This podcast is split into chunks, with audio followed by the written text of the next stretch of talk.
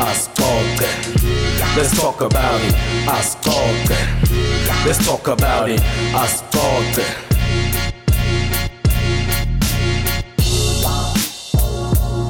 siku-episode 20 i-asixoxe naprince vilakazi. Sesina-2 ko-10 so if kwi-episode yakho yokucala i don't know ukuthi bowusoloku but pressa follow la ku-soundcloud then tothola onke lama-episode sukela ku-episode 1 kufika ku-episode 2 episode 19 ngibe nama-announcement lengibe nawo. One ya thursday lapho ngishiyo khona ukuthi kune-entrepreneur program. If mangabe ufuna kuregister icompany or ufuna i-funding hamba u-attenda ke esipayville ngenhlanhla ngile ku-attenda ke lapha then bekune-nyda ne-nda so ngiletinye tinto letivame ukuconfuse abantu but lengikutholile ukuthi i-nda ngiyo ledila nge-funding ye-non-profit organization iphindze i-register ema-company. Then nyda ngilele kufundzisako from ukuthi udrafta njani i-business plan. Then ngiyo lekuncedza nge-funding cishe ngiloko lengingakusherela kona. Then lenye i-event lekhona lengikhulume ngayo-ke i-off the grid so ikhona namuhla saturday mhla ka7 i-episode 19 bengikhuluma ne-organizer yakhona.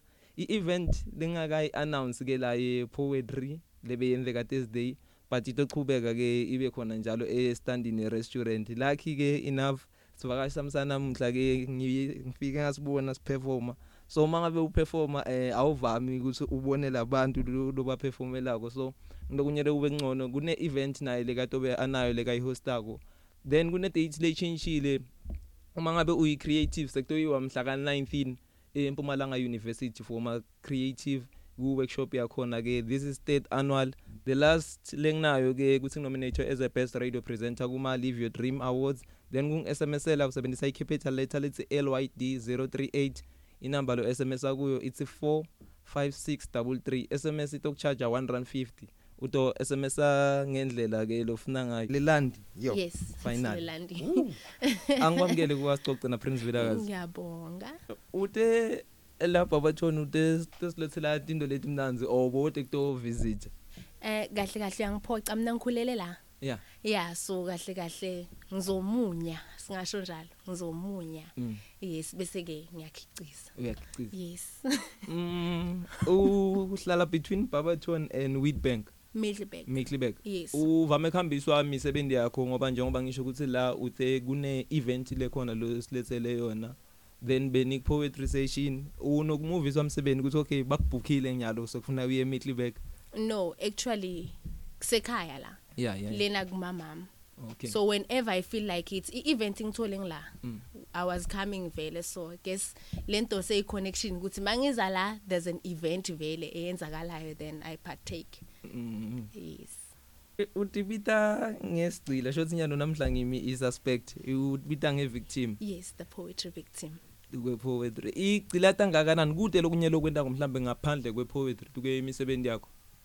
No not recently. I used to do ama fables short stories with morals. Okay. Yes but as time being ngabe sengiyaphosa kancane. Mm. now i'm focused ku poetry so ngaphandle kwako yini mhlambe lo khona kwenda ngaphandle kwe poetry in terms of imisebenzi maybe let's say ma qualification i'm a student actually Yeah. ngenze public relations. Yeah. Yeah so le poet le show esihostako it's part of that because i'm a public relations practitioner. Mm.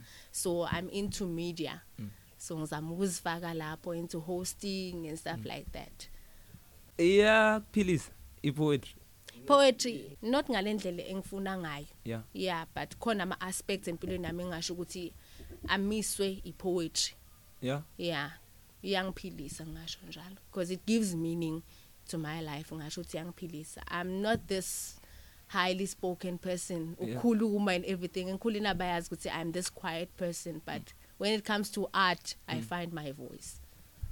Kumuntu longakwadi because sikwati ngemsebenzi wakho especially njengoba usiwena ku art uthola ivoice yakho ngilapho mhlambe lo excela khona ngila ukhuluma khona lapho usuke utshintsha impilo tebantu osuke ukhipha imiva yakho awuvami ukucoca nemuntu kumuntu longakwadi lo cale kulalela nyalo singibani lelane and uvela lelandi hey dongicolela i think dosebenzisa lela Wilfred. Winfred.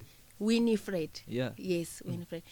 Um i can say yes i do impact impilo zabantu. Lilandi is someone who found ngizibiza ngepoetry victim nje it's because i was trapped in the flames of poetry. Mm. ngathi ngingena ku poetry ngithi nami ngifaka inyawa then i couldn't go back. Okay. So ngathatheka that's why ngithi i'm victimized by poetry. I'm a poetry victim. Ngalento leyo i found my voice ngathola indawo la ngisafe khona where i can interact nabantu. Abantu abangangazi if they meet ulilandi lo lilandi lo bazothi ulilandi umuntu ochomayo. Yeah. But mase bangithola ku art lilandi umuntu right umuntu sweet umuntu ongathathi advantage of yena mawumthola spacing se art okay because that's where I'm weak. Mm. When I hear the word art, ngiyancibilika. I go Yes. all in and angibheke emuva. I don't do like ngibe careful. I go all in ngizithole sengilimala phakathi because I guess that's that's the price we pay for loving art. Abantu abaku art bangangifakazela. Yeah ngiyibonile even ne introduction yenu uma ngena lapha because ngene vele nisengaqali la nisho khona ukuthi okay we are art For art is us, yes. ah shothi indlebe diyasebenza serious Yeah. then njengoba uthi udalele lapha kwathoni i ukhule njani la Baptini ukhule endlini kunabani ngifuna ukuthola ukuthi nale poem uyithatha phi uyithatha khona la endlini kumbe ikuthole esikolweni No, laba abafunde kamhola. They Yeah. know u Miss TM Mavimbela. okay That's the lady who gave me my voice ku poetry. yes Ngikhule ekhaya ka principal Ncongwane, mkhulu wami bayamazi abantu abaningi principal Ncongwane wasengwane. Mm. Very strict man. yeah Shade nokokwami, kokwami naye u strict, kunama strict rules. Kokwami beyilo muntu ukuthi makhala igate.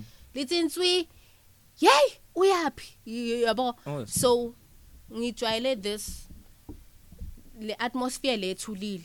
nasesikolweni i used to be bullied but when it comes to literature eklasini and my studies i used to excel mm. because eklasini sinikezwa lento ukuthi you have to be silent so i guess mina i-silent yami it's these voices i hear in my mind and Yes, they yes. entertain me better mm. of which when you write poetry there has to be voices behind your mind mm. so that's the entertainment i got engikhule nabayazi belilani bayothi bekadom bekathulile bekanjanjani so ya ngikhule lo mntwana onjalo. Literature Mr Mavimbela wang bese so yangicucuzela lokuthi you need to write more ma short stories and everything. Masibhala nje classini i used to be the brain behind i drama but i couldn't act. But she knew ukuthi no lokhu kubhalwe nguwe i can see. Okay. Yes but mina acting iyangishaya so usakhuluma ngendzaba ye voice la kunale ligama lothandza ukulisebenzisa or maybe i sentence kancane because ukhuluma ngema short story nalona ndaba short uthi voices of imagination Oh yes, that's my baby. Okay. That's my baby. Voices of Imaginations. i- It's actually a group. yeah Abanye bangayithatha as a company because ngeke ngazama ukuyenza i-company but because I'm more into this art instead of business. yeah I groomed a group yama artists ukuthi okay this is your growing space. I'm going to feed you with whatever I have learned kule industry. Okay. But unfortunately I didn't learn enough myself. It's just that I cared too much ngabanye abantu ukuthi let me give them what I have then we'll grow together. yeah lokunye ufunza ngentendo lotendini wena, yeah Yes. So yeah, Voices of Imagination ngasho ukuthi i group the hymns behind our minds. le poetry lesiyithole esikolweni le lesifunza ngayo yabo Shakespeare nabo bani bani idlalile inzima ku Let me tell you a secret. Leyo poetry leyo angase nje ngiyithole kwami. It was never my favorite. okay yeah, angase nami ngi understand it to that level.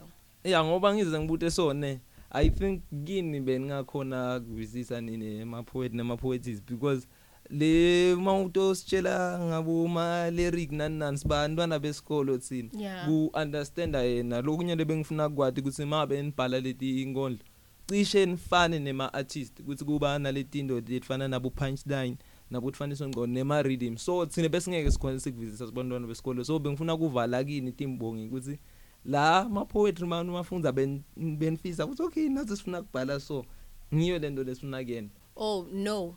Mina it's actually different. Yeah. Konke lokho. Angase ngizibone ngifuna ukufana nomunye umuntu. yeah hence ngathi mangicala ukubhala poetry i didn't follow lama rules that much. Okay. i only took i rhythm ne pace then when it comes to writing i do free verse. Mhm. yeah. Ikhona yeah wabona ukuthi free verse ikhona i freestyle kwe yes poetry? yes ikhona. Ukuthi ungayicala out of nowhere beside lo ibhalile nje? Yes. Ukuthi usihlanganise maybe tindo leti la lotibonako then yes but mina i'm more into writing. Yeah. Angikhoni just ukwenza izinto ukuthi okay manje i respect poetry too deeply lokuthi i'm too careful when Yeah. it comes to my material. But more most yama poets engisebenzisane now they can do that. Ukuthi manje akhulume ngawo akubheke so.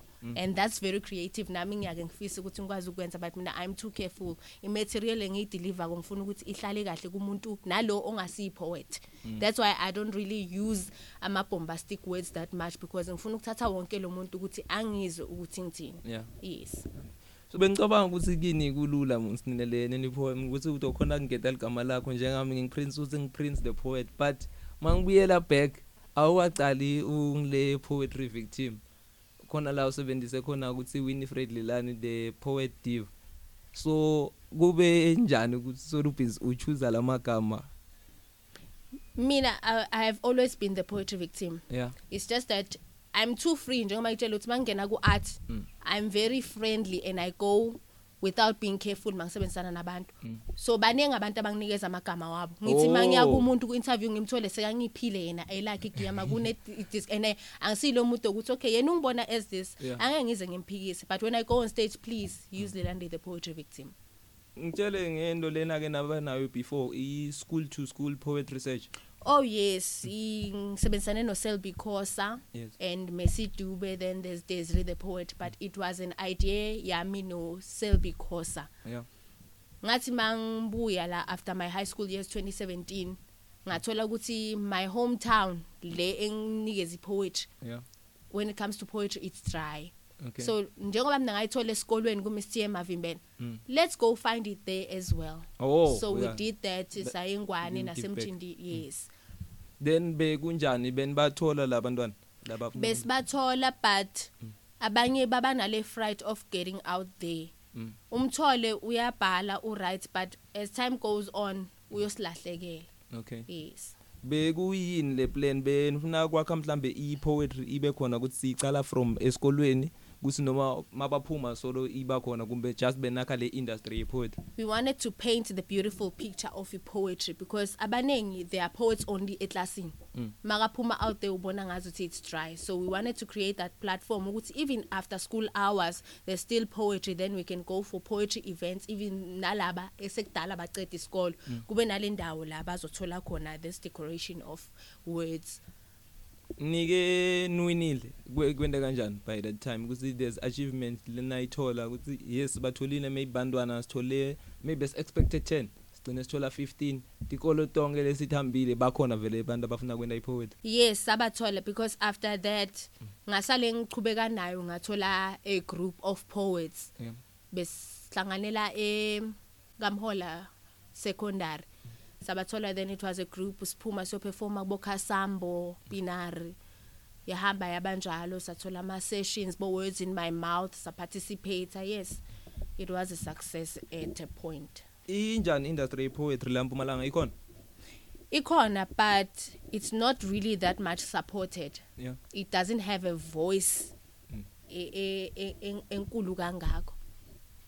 But yona ikhona yaphila and ibonwa yithi abantu who are willing to go that far.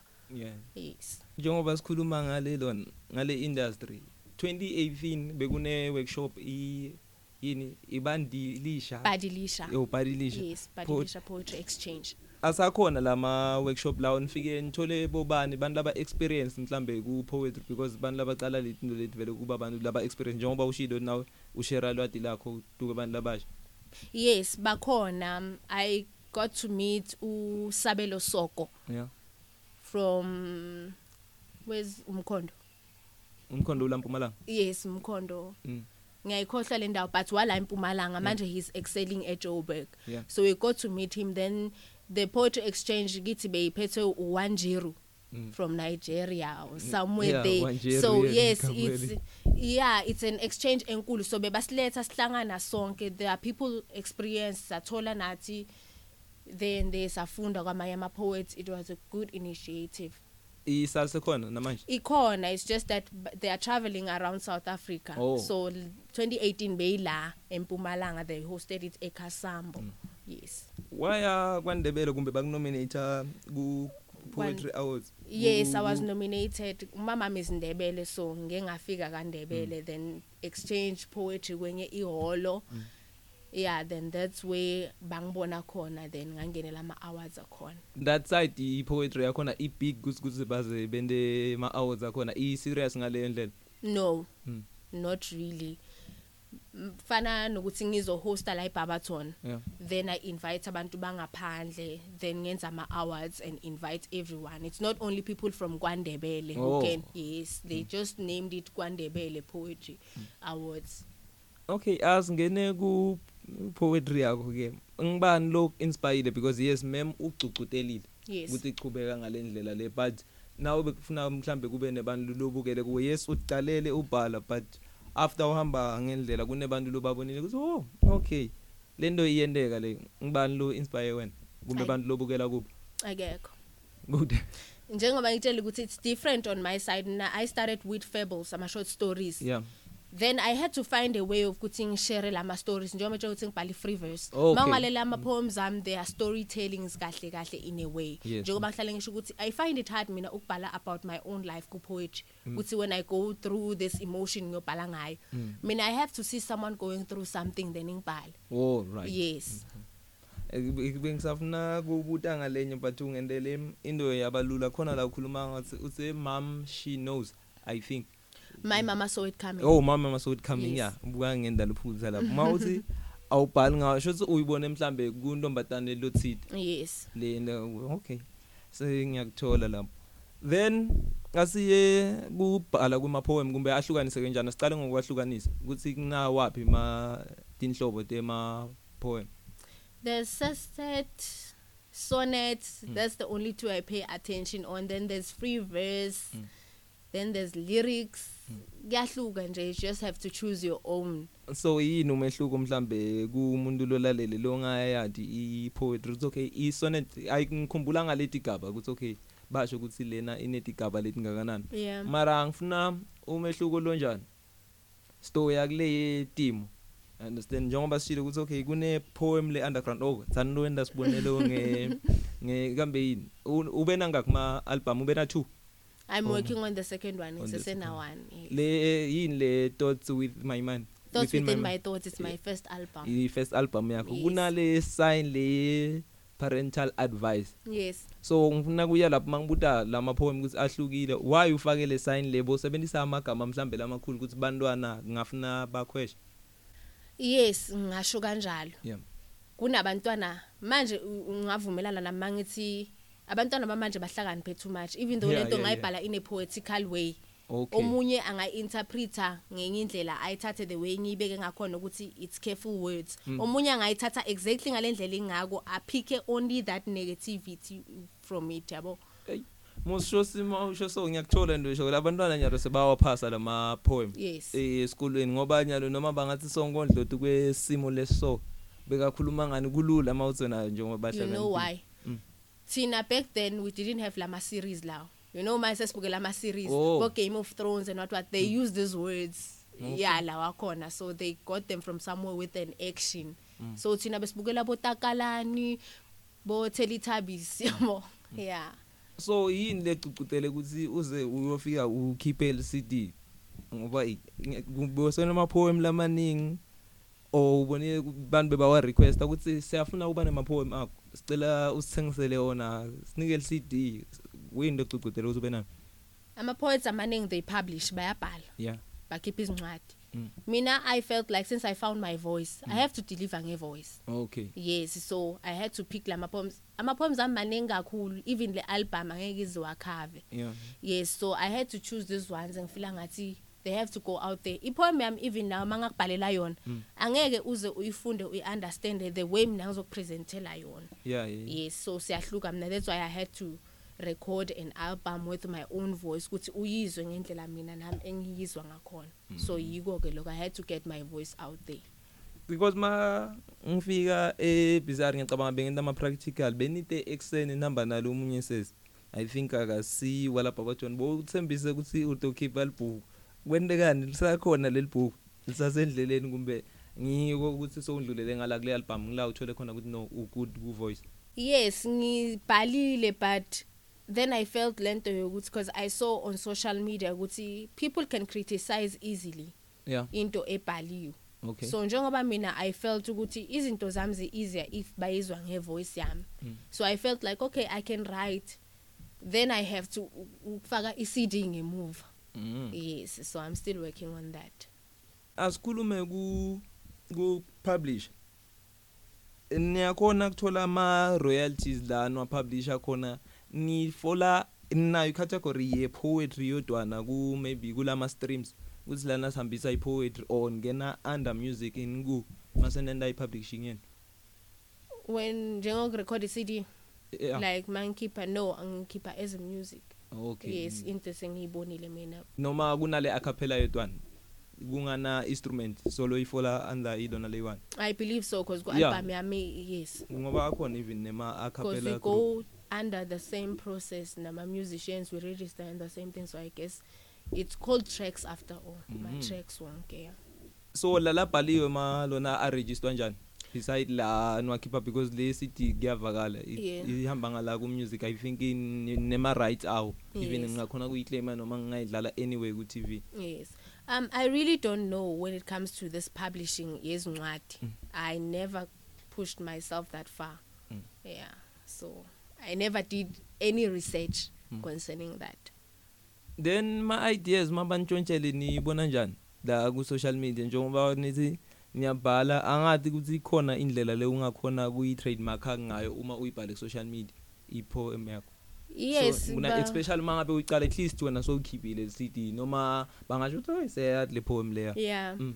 um nginokubona ababhala boma copyrights Mm. they register because ngeke ngazana noma esidube wakhipha i-anthology wala iBabaton Yeah. benginokubona asho ukuthi there are ma copyrights Mm. you register ngama barcodes and what so on. Oh, okay, yes maybe ngifuna ukuthola. Yes. Asiye ku performance yakho unokuperforma neband or unokhona kusebenzisana neband.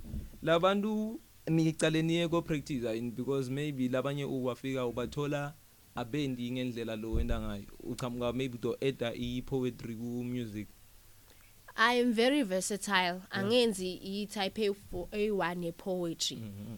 and i can flow like ngichange i-flow ye poem Mm. depending on the emotions involved. Yeah. Kunama poems ukuthi okay mangabe kuneband ezocela ukusebenzisana nami because akhona ama bands oyithola endaweni ikuze uperforma bese bayakuthanda. Bazocela and you can't do the same poem ukuthi bakuze uyi-one Mm. you have to change uhlangane nabo. So sometimes mina mangiperforma neband engicele njalo nginokuthi okay it's either niyacala ninacala niyadlala. Mm. bese mina ngingena kini. Ngizo- ngizocela ukusebenzisa amagama abanye ngeke bawareceive kahle. Ngicale ngene bese mina ngizogibela kini. Yeah. Yeah or mina ngicale ngene bese nina.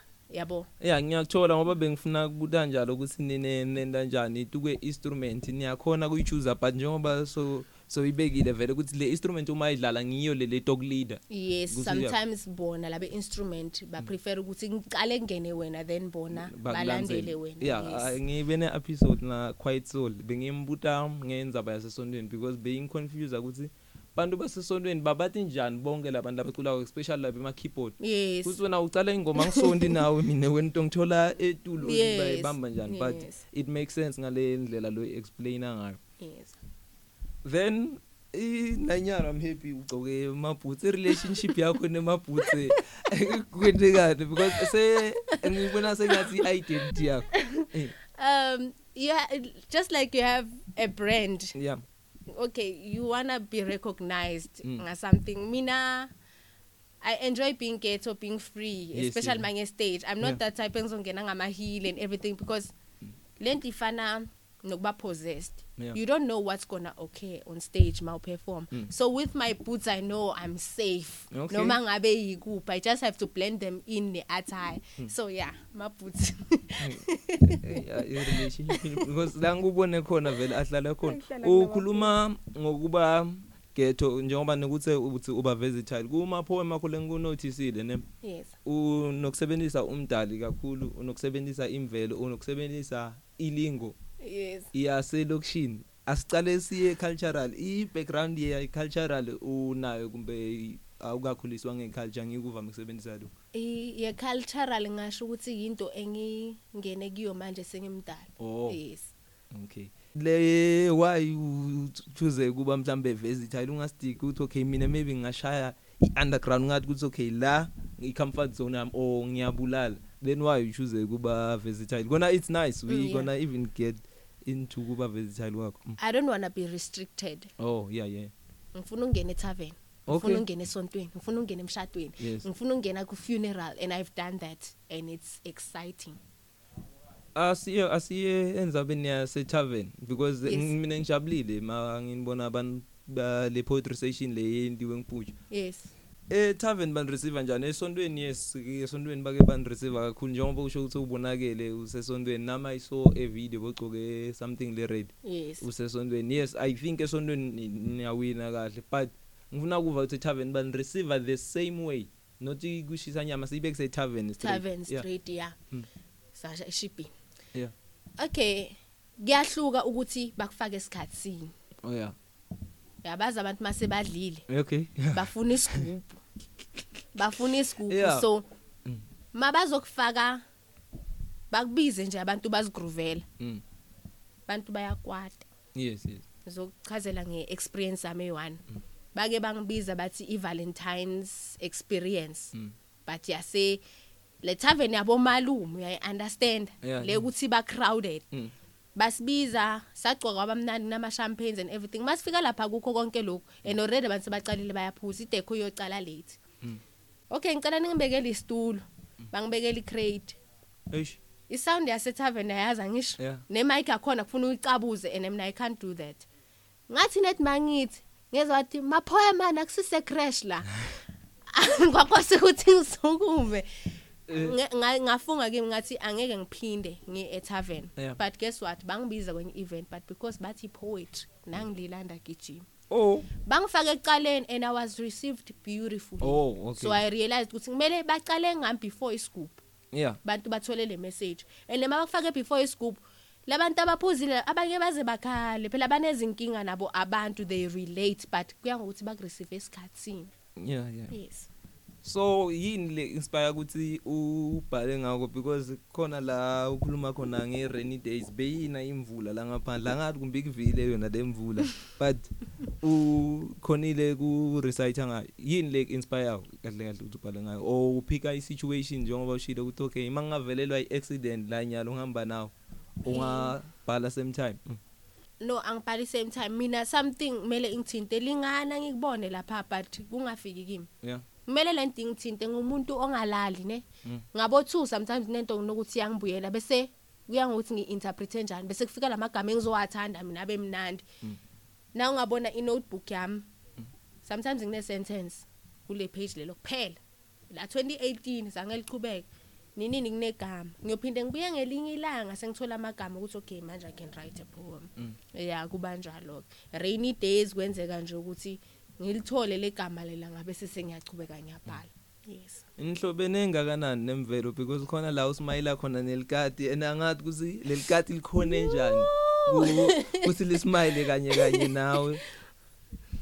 Ngasho ukuthi when it comes to animals yeah. ngiba na this joy nama ngiyazi ukuthi buyaphi ne but ngiba na this joy ngifisa ngathi if beyine voice Yeah. if beyine voice like ingitshele ukuthi ngijabulisa kangakanani as much as yeah it's weird sometimes but yo yeah so i connect kanjani because nento nisho ukuthi lel- lelikati let's liyasmile smile and- yes it just happened. Yeah. And belingafuni ke oh belingafuni. understand but ngathi nangilibamba bebona ifoni mm, that's why bathi curiosity killed the cat. Should that mangibona ngismile ngapha ngilibrush yabona grrr, enjoy nalo. Then it happened. Yeah. Ngike i top 5 emapoem akho lo wathenzako um sifasazi. Okay. Amadoda. Yeah. Thola indawo mfana okay. Um which one is it? Daddy nayiletha. Mm. then there's a broken today and unknown tomorrow. Okay ah ayi- ayikho le yami. Le abe ngifuna kubona ukuthi mhlambe tukwe mapoem akho sine mapoem lafanako le ngiwathandzako my favorite ngile ngi- ngivumele yes okay asicale nga Jacob Zuma are you good with Jacob Zuma like I don't know. I, I really don't know. But it's sharp. Mina anginankinga yeah naye. okay ngikubuta wena that's why ngithi mina wena are you good with Jacob Zuma Anginankinga naye mina. Uma ubhala uvame kusebenzisa ini kakhulu i rhythm ma punchline i- kwentekala ngikuphi lo lokuthandzako wena because Ma-rhymes. Yeah yeah ma-rhymes. Yeah i think ngize ngibese a- akhona lamanye um okay ngikubonile uperforma even nale ku- le khuluma ngayo ngokutwerka kimi it was funny. Ukuthi okay angeke umtweke ukhuluma ukuthi angeke umtwekele but utwekile abakakuboni. It's just leyo it was funny. Yes. Then ngithanze nale ingwanekwane Na- khona la kule part net leyo cala kwasuka sukela then so uyasho ukuthi kwasuka sukela 1 2 3 amadoda yes. Yes. Ngiyithanzile naleyo but le ya Jacob Zuma na okay aseneso before to break it down le formula lokhamba kwaleti indzawo kuyakufundisa yini ma inspiration nokufunza ngalabanye ama culture ebantu nangetini yes. Ngoba ngize ngisho so la kule formula ngikhuluma ngayo ukhuluma ngelindebele ne genial yes Mm. nemaqhosa nemaqhosa ne- nemali. Yes. Mm then sengilawo ngingenela Jacob Zuma khona. Then le situation be kuletinto lebetendeka ku Jacob Zuma leso sikhathi lesikhathi ubhala it's something that was trending. Yeah, yeah. yes ngomshini wakhe. Yeah. yes. So it felt right. In sometimes ayikuthi ngisuke ngicabanga Jacob Zuma. Yeah. No i- mina nedi angiyithanzile ngendlela. Ukhone kudlala from le story ukhuluma ngenkandla ne- nekhanda. Then what else lo khuluma ngayo ngayo Jacob Zuma? But to break it down the story. Y- angathi awuka mention ukuthi ngiJacob Zuma ne? Oh Just yeah like mina Jacob i will be Zuma. a Jacob Zuma okay. Yeah I'll be your Jacob Zuma through thick and thin yes. Ah i think ngi favorite yami. Asikhulume nge talent show akusiyi first time niba nayo. Iqale nini? Um this one eyokuqala engasho ukuthi it's promising to succeed. Yeah okay. Yes. asibiyele emuva La. kancane. Ngikula yaqala khona and what happened because this one mawuthi promising to succeed in. Leyo kuqala njengoba ngisho ukuthi ngathi ngifika ku town yami i tried to bring something ezosihlanganisa but Yeah. it failed because the response Mm. azange ibe that much. Kwabana only two yabantu abarespondako not on social media because social media bavele bathi fu yeah. But- oh yeah. ngale yabo so that's what failed. Mina ngumuntu engasho ukuthi abangazi bayazi ukuthi ngi short tempered. Mm. into if ingenzeki ngalendlela ngithanda ngakhona bengiyekela easy. But manje but asibuyele ukuthi lama industry bekangekho big by that time because asikuba kubuka indzaba ye comedy since kufike bo Luyanda nabo Melusi ne team yakhe ngicabanga ngila comedy ibe khona big. So masingabekisa mhlambe asingaba na Thabiso athi ufike eThabiso ngingazama ukuyicala i comedy eBabathoni ayizange ya Mm, exist but bekude njengoba nyana sikhuluma ngepoet singacabanga singafika nakubo 50 masingabala yes, mapho yes. bantu abendayiphowe embabathweni eh jayiva mhlambe sidolethela ngini back into lebe solo yi successful ngejayiva mapansula music so ukhona that's why ngithi maybe this time yes. kungaba ngcono. That time ngiyo lenza ukuthi okay bekukusha but wena maybe sokubonile yes. Ukuthi kukhona. So ayizange yendeka no ayizange vele.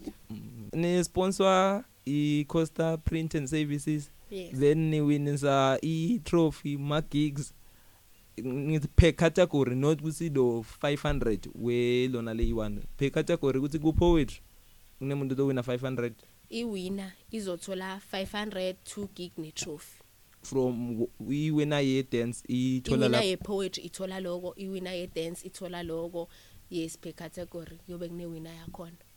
Kuwende kamhla ka 27 eh November. Isikhathi? Isikhathi besengasibeki into esizosibheke ukuthi kungabonaka ukuthi kuregister ngakhe abantu then sizoyi announce first week of November. Mm. yes. Yini nginga mhlambe ukuthi ibe emjindini ngingathi phansi kwethu kahle la lokushini? Emjindini trust ukuthi sibulale ihola or yeah Yes, sistokhona yes. kushintsha sikathi phansi kahle. Yes it's it's the venue shaywa ivenue yeah. Yes yeah. in future i the- okay it's Barberton talent show. In- uyibona phi siya move kuhamba tonke lendzawo leti lapha Barberton ukuthi okay nyalo sisemjindini. Maybe next time stoya kakhaleni Yes. next time siyeshiba that's the plan kahle kahle. Iwende kanini kanye ngeminyaka? Yes we are planning if it's successful this year Mm. then we have to do it annually. Then if the response is fine maybe we can do it twice. Yeah. Yes. Kumntwana lo lalela ama-poem akho abe inspired why should I join i-poetry? It's a safe space. Mm. you can never go wrong in poetry. It heals. Yeah. It gives a shoulder to cry on. Mm. most ama-poets bangangivumela ukuthi ungazibuza uziphendule and ube right futhi uvuke ekuseni usmile bamangala abantu uthi it's a great, utholele wena le it's answer a great morning yes because you spoke to yourself. Okay. Yes. Ungabi ma experience lo be nawo side industry kungena kwakho ama challenges lo be nawo ku-poetry. Yeah. Ngaphandle kwabantu. Mm. awekho being judged. Yeah. Nakhona i can't say there were much challenges that much. Ngaphandle ukuthi i have to go somewhere and ekusekudeni anginasihlobo lapho. Yeah. Uh, i didn't have that much challenges. Kujaja ujajwa abantu lenabo la ku poetry kumbe ujajwa umuntu lo ngadi i i poem. Audience. Mm. audience ye-poetry yes. And i prefer ukubamba umuntu ongayi-understand i-poem ma- i-poetry. Bese ngiyambuza ukuthi ngikhuluma ngani la njengoba ngishilo ukuthi angifuni ukubhala ipoem ezothema umuntu ngifuna ipoem Yeah. ezothinta umuntu. So ngakuthola uzihambele endleleni ngicele ngiyahluleka ukubhala ipoem bese ngibiza umuntu engimjwayele ngithi ipoem so because bazothi yabona ku Facebook kuyangokuthi kubhalele landa hayi so commenta ngomlilo abayi understand lento but because it's me so rather ngithole i stranger singitshele ukuthi yeah so ngijudgwa i audience nabantu aba- engingabazi. Kurespondwa kulama session and o ma ngabe niphefuma kuresponda kanjani? Because ngibonile labanye bebabhizi. Lapha manje befuma indlela leni isebenzisa because mangabe utothola be hip orchestra cala ngemapiano. Mapiano wonke umuntu uyambona ukuthi Yes. ujayiva njani this day ukuthi okay Yes. audience yayo ihamba lana. Then ku hip hop banokukhuluma lamagama lawo amabala phakathi.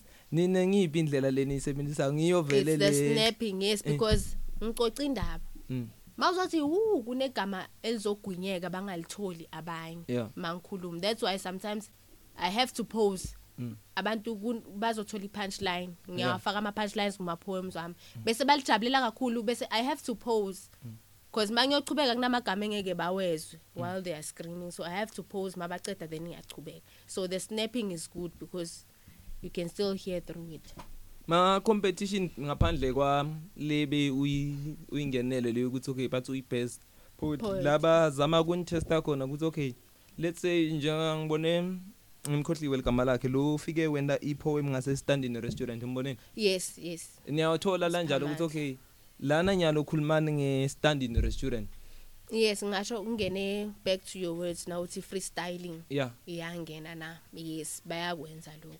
iyanceda o ayincedi in creativity iyakusiza because abanye abantu uzokubiza ku event yakhe or athi sicela njengoba ngisho mina ngene tavern ngena kuphi umuntu akube engagement party yakhe. Lelandi ngifuna ukukhulume ngami. Hey i have to write and most of the time lo muntu lo angimazi. Mm. so as an artist ungibani wakabani uthandani uzalela in in but mina ngiyahluleka lokuthi ngifike ngibe obvious. Mm. zibani bani was born in the what what i have to do it in a poetical way lokuthi naye im surprise ngabi obvious for yena. So yeah we do get things like that ukuthi kumele ubhale nga this certain thing. Bakubiza bathi wozokhuluma ngepolitical party ethe nje nje nje. Then niyabachaja because basuke basuke lithoti nale political party awuyisupport yeah asengibude so Yes. lento i-right tukwendo mhlambe longayithanzi longabi nayo u- wena njani? Makafika umuntu akucela yes. Ukuthi okay ngicela asethi ngiyakubita ngicela ukhulume ngeastoce na Prince Vilakazi. Yes. Then wena njani? Lapho kufuna ngikunike le tinto lengifuna ukhulume ngato mina? Yes. Mina kimvele ngizokubuka ukuthi ufuna ngiveze ini? Ngeke ngisho ukuthi ufuna ngithini?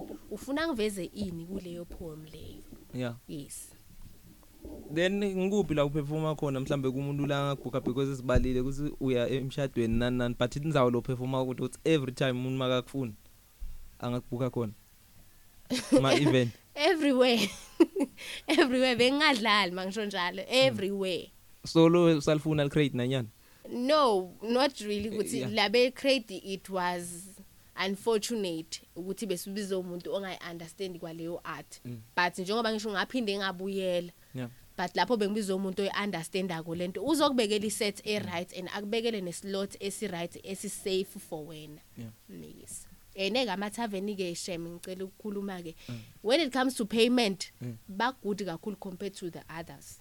Emgcwabeni abafuni ke vele total thothi nomuntu akhona ushonile awumazi bazothi uyabakhalisa. Ubakhalisa umazi lapho lo muntu oshonile yabo? So kuyahluka vele lapha ithaveni yabhadala banibukana semgcwabeni yes njengoba ngisho Yeah. ukuthi mina emgcwabeni vele even nasekhaya kuyaziwa nakushoniwe baze bathi uyazi mos. Mm. akudingi no yes. Enezinye ihlobo nawe ungavuma ukuthi abangeza kushona umzalakazi bantu bani awumazi. Yeah. But uyazi mos. So which is your favorite place lo lo performa kuyo ujabule ukuthi okay yes setavern kusemgcwabeni kusesontweni? Esontweni. Yeah. Vele iBhayibheli liganile sirathi iyakhel le ncwadi ukuthi niyakhona ukuquote ku scripture siyaninceda? Yes because you have to relate nalabantu baperformelayo yeah. So mangizoquote ujob esontweni ba familiar with ujob. Yeah. so bazolibamba nale punchline engizolishaya ngojob. Job udlala kamnandi. Yes. Yeah. then ma collaboration ngaphandle kwe asicale ngani? Because uperformela ngibani? Sibonga inkosi. Yes. Manivula lapha. Mike mustard seed. Niyakhona collaborator nobabili nibhale i-poem leyi-one not maybe anyone lowenda i-poetry yes. Ukuthi niyihlanganyele. Yes. Then Ayes- nisebenza njani lapho kuba nalesihloko leso ukuthi okay sisebenzela kulesihloko lesi okay angizange ngiqale nge-voices of imaginations. I had i-divine voices before. Yeah. besiyi-seven Yeah. and ngimele sonke siperform. Tukwelona leyi-one yes. Okay. Sizoyihlukanisa the kunalento engiyibiza ama-magic words. Mm. we are art for art is us. That's how i Okay. know ukuthi you are done.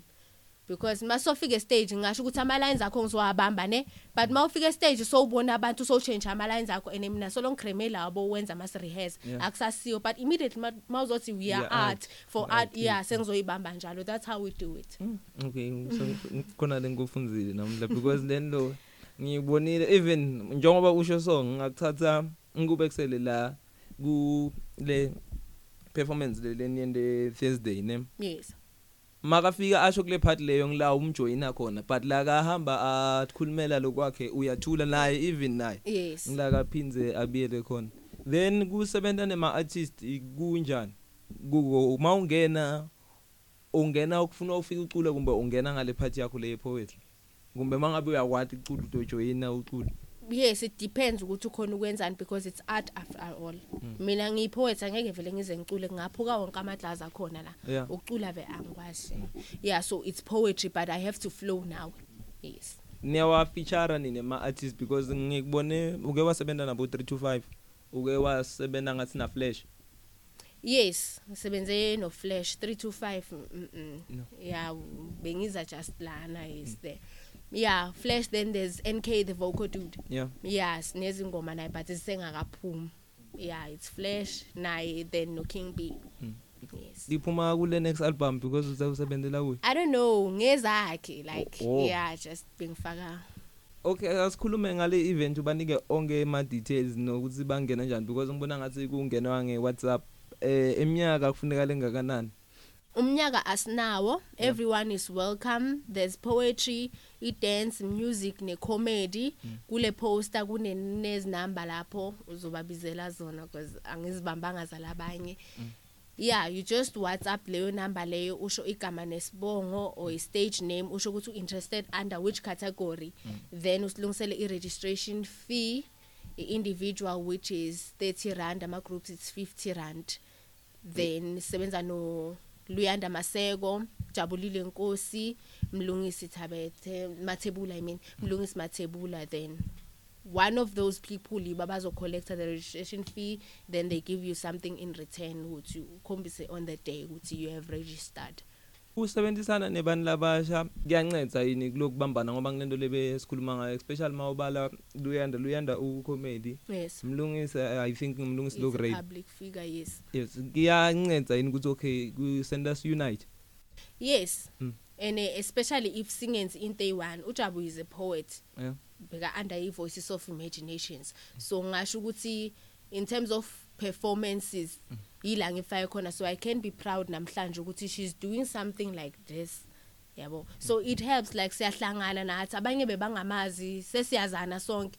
Lo makayo host yazi ukuthi kunojabu endaweni so ujabu already kane group yakhe uza nayo then it's connections it's communication yabo improving sonke. If sobuya futhi nasendaweni ezihlukile. Sesivala uthe usengafiki noma i-poetry kumbe i-poem isengakudlisi kahle. Ngikuphi la la ufuka nakufika khona? Mhlambe maybe takuthengisa imoto takuthengisa likhaya ngu la ufuna mhlambe iya khona ngifuna la ukuthi mangivela en- emntwini kuvele kuhlale poetry yeah okay. The financial part of it izoba ama extra benefits kahle kahle because it's my voice. Ngifuna ukuthi mangivela lapha kube nomntwana osmayelako ukuthi ipoetry yazi yaziletha. Not ukuthi lelandi waze weza as umuntu engibheke kuye. No ipoetry. Yes. So lofuna kusebenzisana nawe ukuthola kanjani ku social media? Uh, social media on facebook it's a page lelandi the poetry victim. Mm. yeah ngitholakala lapho ngisho ukuthi faster. Okay. Yeah ilapho. Marvin Quartz Yeah, man. Khona lofuna kusho No, I just wanted to watch and listen, Yeah. but unfortunately, I'm very late. I'm sorry, yeah man but I listen online though. Yeah, I know. You you are number one fan support. Eh mhla 27 siyahamba. Oh, by the way, Marvin ngathi uvame ukuhosta lokho i-MC bese nayo. Sikhulume ethi. Whoa, siyashoda ngama MC. I just got a job. Wow! Shout out. Yeah. So eh ngathi khona lofuna kubavalelisa ngako la because bom rapper bafike ba rap. Angazi ake siza uMarvin njengoba afike late. Man, Funa ngicule. uya- uyathinga ah kushayile i-poem leyi one. Please, Okay. please do what you do best. Oh, before before eh uma atosho something lemnanzi kwe poetry asimemete or asibida amagama yes. Sende What you njalo take me for? I've been in this. yeah man. Okay. Eh isiphela la nasicipho se asicoce na Prince Vilakazi. Ukhumbule ku pressa follow kuzithole onke lama episode. Utosivalela ngendlela lekajwayele ngayo ukuvala. Ama event akhona njengoba ngishito mhla ka 14 kune meeting ye jam session e 9 ngo 4 o'clock. So yiba iphathi yakhona. Then emhla ka 19 October Mpumalanga University i master class yema creative sichubeka sivotela Prince Vilakazi as the best radio presenter. Yeah, man. indlela lo SMS ngayo SMS ama capital letter lathi LYD 038 then inamba ngu4563 SMS echarge 1 rand 50 unga SMS ngendlela lokufuna u SMS ngayo. Eh mina kwami sengicedzile la to you. Awuqedanga. yeah. Angiqondile uqitha isikhathi ngalento engizoyisho. Inkinga ngizwa sengathi khona odinga ukizwa lento engizoyisho noma sekuthiwe bengekho ngangivele ngizoyisho ngoba ngibizelwe khona ukuba ngisho. Kodwa before ngisho ndizonibalisela ibali. Ngaleli bala nibala bali kodwa ndiyabala nibala amabala amabili ohlukeneyo ngokubala nangebala nantsike lebali. Kwasuka sukela. ngozi Kwasuka sukela. ngozi Kwasuka sukela ubaba wami esukela uma wami wathi emsukela wasuka wakhulela omunye wasuka wabaleka. Bese bathi ukuzala ukuzelula.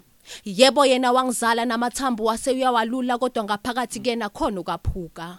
Wayefikelwa izinyembezi njalo mayethu uyangibuka zigelezi sokomfula noma ethu uzama ukuzisula okwakungcono kwakuthi apakisha umthwalo bese uyemuka. Ngasala nogogo kemhlazana uma yethutha. Kodwa mina ngimsoli okwabani ukuzala ingane bese uyise uyaduka phome ikhala ezakwabani ithakazelo yozisho besiyathula ngithi njalo mangifikelwa emicabango ngesenzo samadoda bese ngiyajula ngiyazibuza ngifikelwe inzondo bese ngiyazikhuza. Yebo ngiyazikhuza. Ngiyazikhuza ngoba kusiwona wonke amadoda angamadoda amadoda. Amanye amadoda udodo ongcolisa igama lamadoda amadoda. Yebo ngisemncane leya ngizokuyiphikisa kodwa ngesenzo saleya ndoda ngingumfelokazi ngihamba. Mina ngafelwa imizwa ngisemncane ningibona namanje ngisazile lunembeza. Eyami imizwa yashona nogogo bese khunjulwe ngumdali. Kwathi ngokuhamba kwakho bekade ngumzali ngaphenduka umzali ngakazali ngoba kuyimina omdala kubo umzali sebashonelwa abazali. Kungcono kwabo ngoba amathuna bayawazi mina ngiyintanda nje bayaphila bamabazali ngilandelwa isinyama ngisho nasemini ilanga libalele ngahlwa phinde kuse mangathi ngiyakubalela. Konke lokhu ngenxa yesenzo sendoda. Eyabaleka ngithi njalo mangifikelwa imicabango ngesenzo samadoda bese ngiyajula ngiyazibuza ngifikelwe inzondo bese ngiyazikhuza. Yebo ngiyazikhuza. Ngiyazikhuza kanti nawe ngiyakhuza ngiyakhuza ngithi vuka emaqandeni wena olele enkukhwini lomhlaba wethembekile neze. Indoda uyazichuba iminyaka kwi-rap jikijiki sedonsa iminyaka nge-rape. Igama elithi uthando selaphenduka isigwebo sentambo odadewethu bafele emishadweni abakhwenyana izinje eziswele amathambo. Omama bethu bashisa ukubekezela emendweni kuyashisa emendweni emendweni kusesihogweni till death do us apart usuyophumula ethuneni. Emhlabeni ngoba kusiwona wonke amadoda ngamadoda amadoda. Amanye amadoda udodo ongcolisa igama lamadoda amadoda. Ingakho bese kuthiwa abafana bayafana kodwa ngiyazibuza labafana benza ububi uma bangafana nabanye abafana bangafana. Ngiyabonga. Eh He's the one breaking the rules now, clapping. yes no, yes sese- yes. sesegcineni. uyacava maka njengoba thursday ngithi bese ku-poetry session e-standing restaurant i-poetry hub. Uma ah, performa le poem lena anibafaka imizwa bengicabanga ukuthi ndile ngiyendeke kuye serious. Khona la akakhuluma uyahleka. Khona la akakhuluma ukuthi ufele imiva la ngaphakathi nani nani. Understand? Bengicabanga ukuthi into le yendekile so ngilenye into lengithi uma ngikhuluma naye. So uthi uyakhona kubona i-situation yakho lekwendeka lakho abhale lokuthi even noma se- seyindlela yokufihla bengithukile ukuthi into let's so lo express. yeah understand. Yes. Kana Marvin. Then u startup lesibindi sokuthi abuye la se njengoba uqinisile ukuthi ngingakavali bekune theme lebe banike yona ukuthi khulumani ngabo babe lapha because sigcine ngiyathemba labanye vele mangabe khona lebe bendalo wrong bambe bangasi right. No bebangasinikanga nix. Then not kwendeke ngokuhlangana. Yes because nginotisile vele cishe vele it was all about the gender abusing the other. Yeah. Yes. So siyinkinga ne madots asengive ku ungimaka yes. Yeah mm, yeah ngisho njalo. Kuhle leleni kwendawo ase ngi-upload even nemajita lebe akhona lapha because akusini nodwana ukuthi ngathi siyende ukuthi vele ukuthi bekuyi-gender based violence. Nemajita lamaningi akhulumile nge-abuse so ngini kuphela lesinganithemba nyana ukuthi ningakhona kuncoba le gender based violence lekhona because ndobhala nikhulume akufani nangala kulolo munye music lo phinza anibide ngalamagama lalamahle anibide Yes, ngelwandle yes. lasedurban so ngini le solution yalo chubekani nende njalo let's hope towehla lelizinga lele lentekako then kusasanda utshintsha impilo tebantu bantu bangalahlekelwa imiva bagcine sebede bantwana Eish, yana. Mm. But you know what I think on top of that tip? Yeah. Um, um, sonzele chief I don't want to say a lot, but like, let us stop ignoring the boy child. The only time the boy child gets attention is after they have messed up. That's Yeah. when they get all the attention. But how are they raised? Who raises them? What What are they fed? You know, because like uh, no, no knock, no nothing, no cap. Yeah. But like you ladies get a lot of attention. I understand for for obvious reasons. You've been abused for the longest time, and all of that. It, it has to be mended. All of that. But while mending this, let us not ignore the boy child. That's all I have to say. thank you very much Peace out, Marvin. A Town. buye zwakala zwakala i-show yakho bayithola nini and whatever okay by the way ngumavin cause nguye lovule asixoxe naprinceville kazi ungu-episode one hamba umcheck-a wena hlelo le-definition hip hop and r and b hey. then me. I don't want to take her Okay. spotlight. I'm so, I'm so sorry. Siya- siya- siyabonga lelanje um Bonga after mina. bawinile anytime mangabe nakuthi asixoxe naprinceville kazi namukelekile Hayi, sobuya. Okay. Definitely. asibambane kwa-episode lelandzelako Let's talk about it. Us talking. Let's talk about it. Us talking. Let's talk about it. Us talking.